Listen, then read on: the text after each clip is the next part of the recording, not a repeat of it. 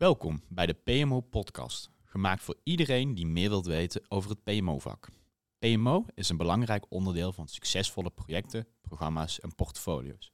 PMO biedt waardevolle ondersteuning om ervoor te zorgen dat deze effectief, efficiënt en volgens de spelregels worden uitgevoerd. Mijn naam is Nick Niesen en ik zit hier met de PMO-experts van Society, Bram Grims en Jan-Willem Rolkens. Zou jullie zelf even kort willen voorstellen? Ja, mijn naam is uh, Bram Grims.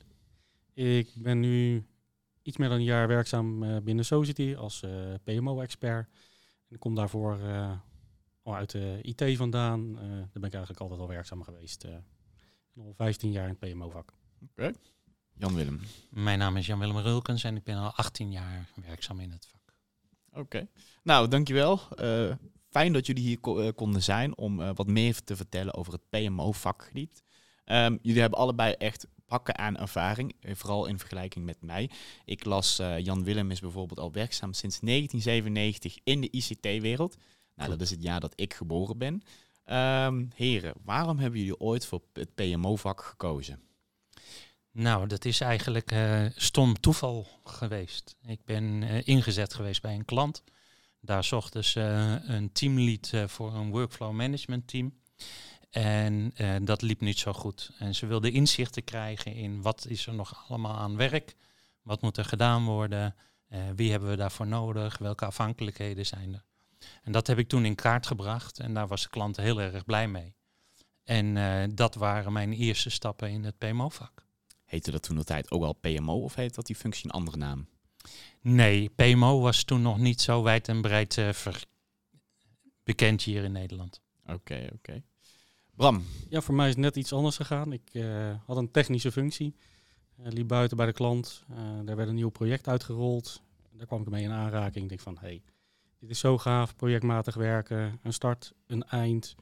Alle facetten daaromheen. Dus ik had zoiets van, ja, dit is iets waar ik me in wil gaan verdiepen. Ja. En zodoende de overstap gemaakt naar PMO. Mm -hmm. En voor jou eigenlijk dezelfde vraag. Heette het toen de tijd ook al PMO? Of had het toen ook een andere naam, jouw functie?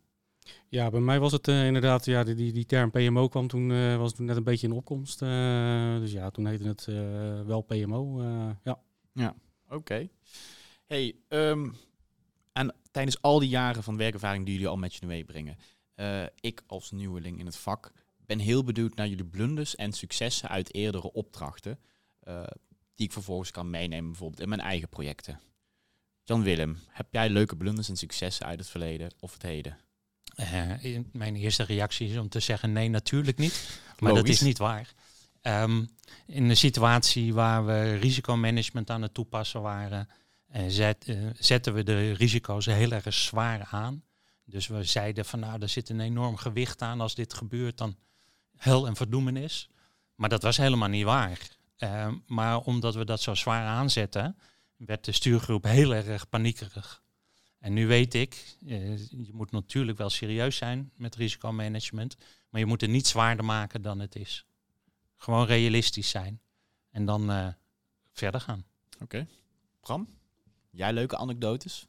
Ja, ik heb er zeker wel eentje. Um, ik heb een keer een situatie meegemaakt dat ik een project aan het ondersteunen was. En er zat iemand van de lijnorganisatie zat daarbij. Um, en het was nog niet helemaal goed helder wat die twee nou, voor rol hadden eigenlijk onderling. Uh, ze waren eigenlijk constant een beetje aan het vechten om de situatie, wie er nou echt de leiding had over het project. En ik dacht van, goh, nou, stop ze samen in één hok en uh, deur dicht en uh, succes gaat maar uitvechten.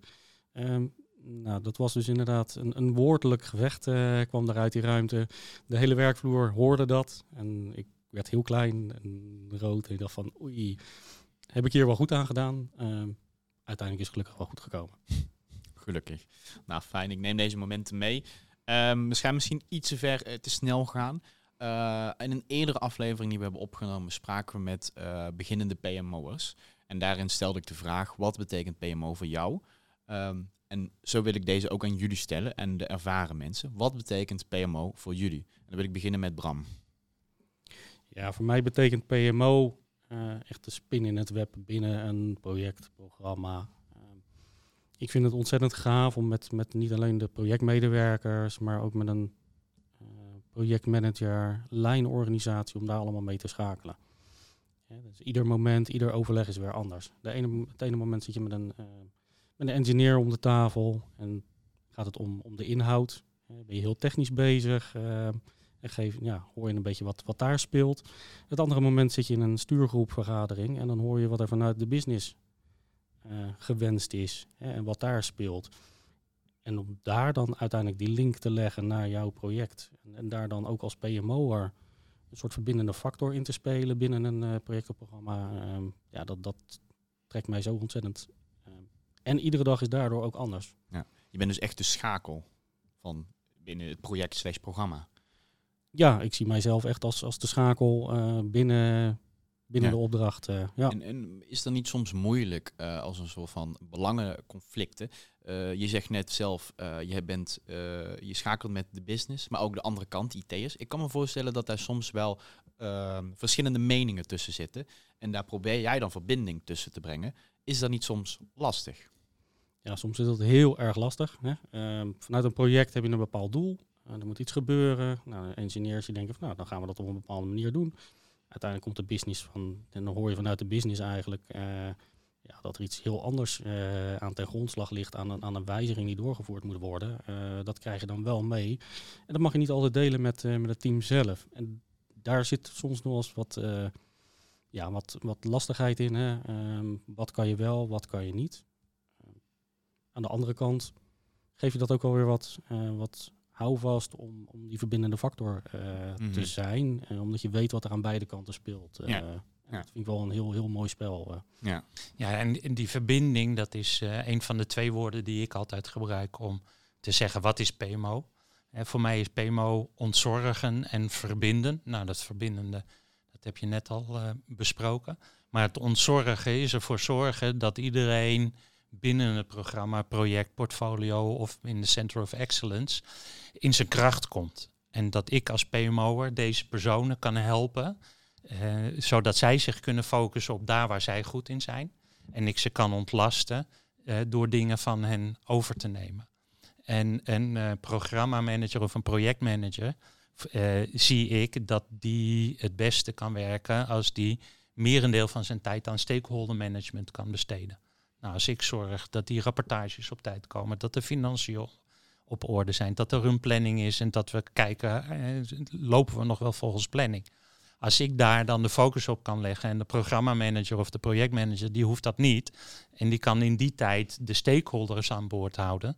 Ja, dan vind ik dat heel erg fijn. Dus voor mij ontzorgen en verbinden. Ja, ja als ik dit hier zo'n beetje eruit haal, ben je vooral ook bezig op de achtergrond. Hè? Niet per se, maar je probeert de anderen te laten accelereren in hun functie. Uh, als ik het goed begrijp. Ja, dat kan zowel op de achtergrond als op de voorgrond. Mm-hmm. En dat is heel erg afhankelijk van de afspraken die je binnen jouw team maakt. Ja, ja. ja want daar wil ik eigenlijk even vervolgvraag op stellen. Maakt het dat soms niet een beetje ondankbaar? Dat jij, omdat jij je op de achtergrond begeeft, uh, de anderen laat accelereren, waardoor misschien jij soms vergeten wordt? Of is dat niet zo'n projecten? Nee, voor mij niet. Voor mij is het niet belangrijk. Ik hoef niet voor op de voorgrond te staan.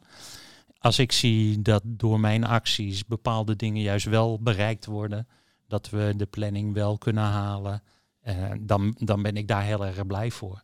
En de klop op de schouder mag best op die van de projectmanager. Ja, ja. Oké. Ja, ik sluit me daar wel bij aan hoor. Het is uh, niet de bedoeling van een P, uh, ja, vanuit mijn rol als PMO'er om vooraan te staan. Ik vind het juist geweldig om mee te werken aan dat gezamenlijke succes. Uh, ja. om daar alles voor in het werk te stellen. Dat iedereen zijn werk op een normale manier kan doen en efficiënt. En, en dat we ook gewoon bereiken wat we willen bereiken. En als betekent dat ik daarvoor uh, bepaalde zaken in gang moet zetten of op de achtergrond uh, zaken moet regelen. Hey, geweldig. Ja. Het gaat uiteindelijk om het, om het eindresultaat. En per slotverrekening zijn we een team. Hè? En met z'n allen moeten we het voor elkaar krijgen. En iedere rol daarin is even belangrijk. Ja, dat is zeker waar. Hey Bram, uh, je hebt beide werelden gezien. Uh, je bent nu PMO, uh, Subject Matter Expert, um, maar je bent ook in het verleden projectmanager geweest. Zou je ze willen toelichten in jouw rol als projectmanager, wat een PMO'er voor jou bracht? Ja, het leuke is, ik zat in eerste instantie als projectmanagement officer zat ik op een groot programma, een internationaal programma. En uiteindelijk ehm, werd ik gevraagd om de rol van de projectmanager daar over te nemen. Ehm, die heb ik toen wel met beide handen aangegrepen, ehm, omdat het voornamelijk een rol was uh, op dat moment als projectmanager om die verbinding te zoeken. Vanuit mijn PMO-rol had ik al zo goed contact met de stakeholders binnen het programma, ehm, dat ze mij daarom hadden gevraagd als projectmanager om die rol te vervullen. uiteindelijk, alle interne zaken werden uh, door een andere PMO overgenomen. En daar was ik ontzettend blij mee, omdat ik mij dus echt puur alleen kon focussen op die stakeholders uh, door Europa heen. En me geen zorgen hoefde te maken om wat er aan de voorkant allemaal gebeurde. Ja, dus eigenlijk komen we telkens terug ontlasten. Hè, in dit geval dan echt projectmanager, zodat iedereen, of de projectmanager in dit geval, zich kan focussen op zijn taken. Oké. Okay. Um, waar ik het vervolgens over wil hebben is, um, jullie zijn natuurlijk al enkele jaren werkzaam. Hoe zorgen jullie ervoor dat jullie zelf blijven ont ontwikkelen? En dan wil ik eigenlijk beginnen bij Jan Willem. Nou, dat is uh, enerzijds door dingen op te pakken die je nog nooit gedaan hebt. En uh, anderzijds uh, verbreden van de kennis die je al hebt. Ja. En verbreden van de kennis is soft skills en hard skills. Die zijn in ons job heel erg belangrijk.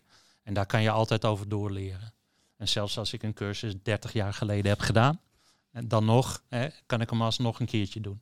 Dus je bent eigenlijk nooit uitgeleerd. Mm certificering is belangrijk uh, binnen de IT in zijn algemeenheid, ook uh, binnen het PMO-schap. Mhm. Daar kan je op focussen. Maar het belangrijkste is door dingen te doen die je nog nooit gedaan hebt. Leren hoe je dat moet doen en leren hoe je dat beter kan doen. Ja. En dus ook durven uit je comfortzone te stappen. Absoluut, absoluut. Is het dan ook, zijn er bepaalde certificaten die jij als PMO-expert zou adviseren aan beginnende PMO'ers? Ja, sowieso uh, moet je weten wat voor omgeving je terechtkomt. Dus daar is Prins 2 heel erg belangrijk in. Um, agile, als je in een agile omgeving komt, is ook erg belangrijk. En wat ik heel veel zie van onze beginnende collega's, die doen ook Scrum certificering. Dus dat is ook heel erg mooi. En uh, de certificering uh, als uh, PMO'er aan zich. en dat kan sinds kort. Ja. Bram. Ja, nou, binnen mijn huidige opdracht merk ik dat eigenlijk heel goed. Ehm, dat is een services opdracht. we verlenen diensten naar de, naar de klant toe. En daar is ITIL ehm, wel een hele belangrijke in. Nou, op het moment dat je dat in eerste instantie niet hebt ehm, ja, en toch zo'n opdracht instapt, uh, is het wel goed om, om zo'n certificering uh, ook te halen. Dus op die manier, door een opdracht wel aan te gaan, en alles wat je daar mist op te pakken. En zoals Jan Willem zegt, um, ook het onbekende, hè, wat we niet weten, wat ik niet kan of nog nooit gedaan heb, hey, dat zou ik toch moeten kunnen. Applicaties, nou, ook al weet ik niet hoe een applicatie is, wat ik ermee kan. ik duik erin. Gewoon door te doen uh, leer je ook uh, daarmee omgaan. Eh. En het mooie van ons vak is dat het zo ontzettend breed is. Als je bij de ene projectmanager gaat helpen, vraagt hij andere sterktes van jou waar jij mee moet werken. Als je bij een ander zit en die vraagt dan weer wat anders. Zo heb ik een situatie gehad waar een projectmanager die had vier PMO's en iedere PMO had zijn eigen sterkte. De een op financiën, de andere notulen maken. De derde die was bezig met het organiseren van zaken. En de vierde die managede de agenda's. En uh, omdat het zo breed is, krijg je ontzettend veel mogelijkheden aan activiteiten die je kan uitvoeren. En daar zit altijd wel een activiteit bij die je nog nooit gedaan hebt. Ja. Pak en dat aan. Eén facet, denk ik, waarin jij zelf accelereert. Uh, ja, natuurlijk, dat wat jij accelereert, dat zal je ook laten zien. Mhm. Maar zo stond ik laatst op een podium voor 200 man als mhm. uh, host. En uh, dat had ik nog nooit gedaan en ik was flink uit mijn comfortzone. Maar als je het eenmaal gedaan hebt, dan zie je, oh, dat is ontzettend leuk om te doen. En het valt eigenlijk alleen maar mee. Precies. voor mij hetzelfde, het presenteren van deze podcast. Oké. Nou, uh, heren, ik denk dat we langzamerhand door de tijd heen zitten. Um, hebben jullie nog iets wat jullie willen meegeven aan jullie mede-PMO'ers slash toekomstig PMO'ers? Nou, wat ik altijd meegeef aan mijn uh, buddies is uh, verwachtingsmanagement.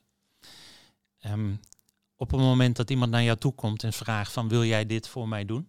En ongeacht of het wel of geen PMO-vaardigheden zijn, die dan gevraagd wordt. Vraag dan aan die persoon wanneer wil je het af hebben. Want wij zijn al heel erg gauw geneigd dat als iemand ons vraagt, eh, wil je dit voor me doen? Dat we dan invullen, nou, maar dan moet het dus morgen af zijn. Ja. Maar dat hoeft helemaal niet. Maak het je werk zelf gemakkelijker door te vragen wanneer moet dit af zijn. Is het goed als ik dat volgende week doe? Vaak zie je dat er niet zo'n haast achter zit, dan dat jij er dus ook eigenlijk een beetje eh, eh, je eigen bewijsdrang uh, in toon proberen te houden. Want ik merk natuurlijk, als ik naar mezelf kijk, ik probeer op alles ja te zeggen, omdat je natuurlijk zoveel mogelijk wil doen, omdat je zelf wil bewijzen. Maar perk dat nou een beetje in, denk ik. En ja, zoals jij zegt, vraag wanneer is de deadline, zodat we de verwachting kunnen managen. Dat vind ik een hele mooie. Misschien kan ik die ietsje bijsturen. Want ik denk dat juist kijken naar ik pak alles aan, maar kijk daarbij naar waar je goed in bent. Ja. Met dat je laat zien van, hey, hier ben ik goed in, pak die dingen dan ook meteen aan. Laat dat zien. Dan zit je meteen met uh, jezelf meteen eigenlijk vooraan hè, op, een, op een soort voetstukje van, kijk, dit kan ik. De dingen die je wat minder goed kan, die komen dan wel. Uh. Ja, oké. Dat vind ik een hele mooie zin om mee af te sluiten. Heren, hartstikke bedankt voor het aansluiten bij deze podcast. Luisteraars bedankt. Jullie hebben geluisterd naar de PMO-podcast gemaakt door de IT-experts van Society voor IPMA. Willen jullie meer weten? Check dan onze website of stuur een bericht via LinkedIn. Dankjewel.